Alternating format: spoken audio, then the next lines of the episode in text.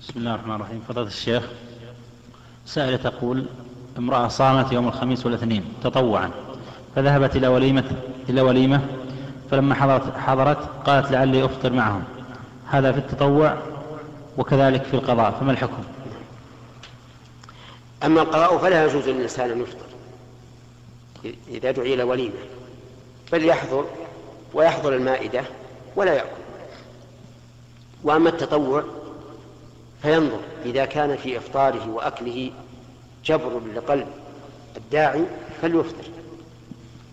وإذا, وإذا كان الداعي لا يبالي فالأفضل ألا يفطر. وإن أفطر فلا بأس.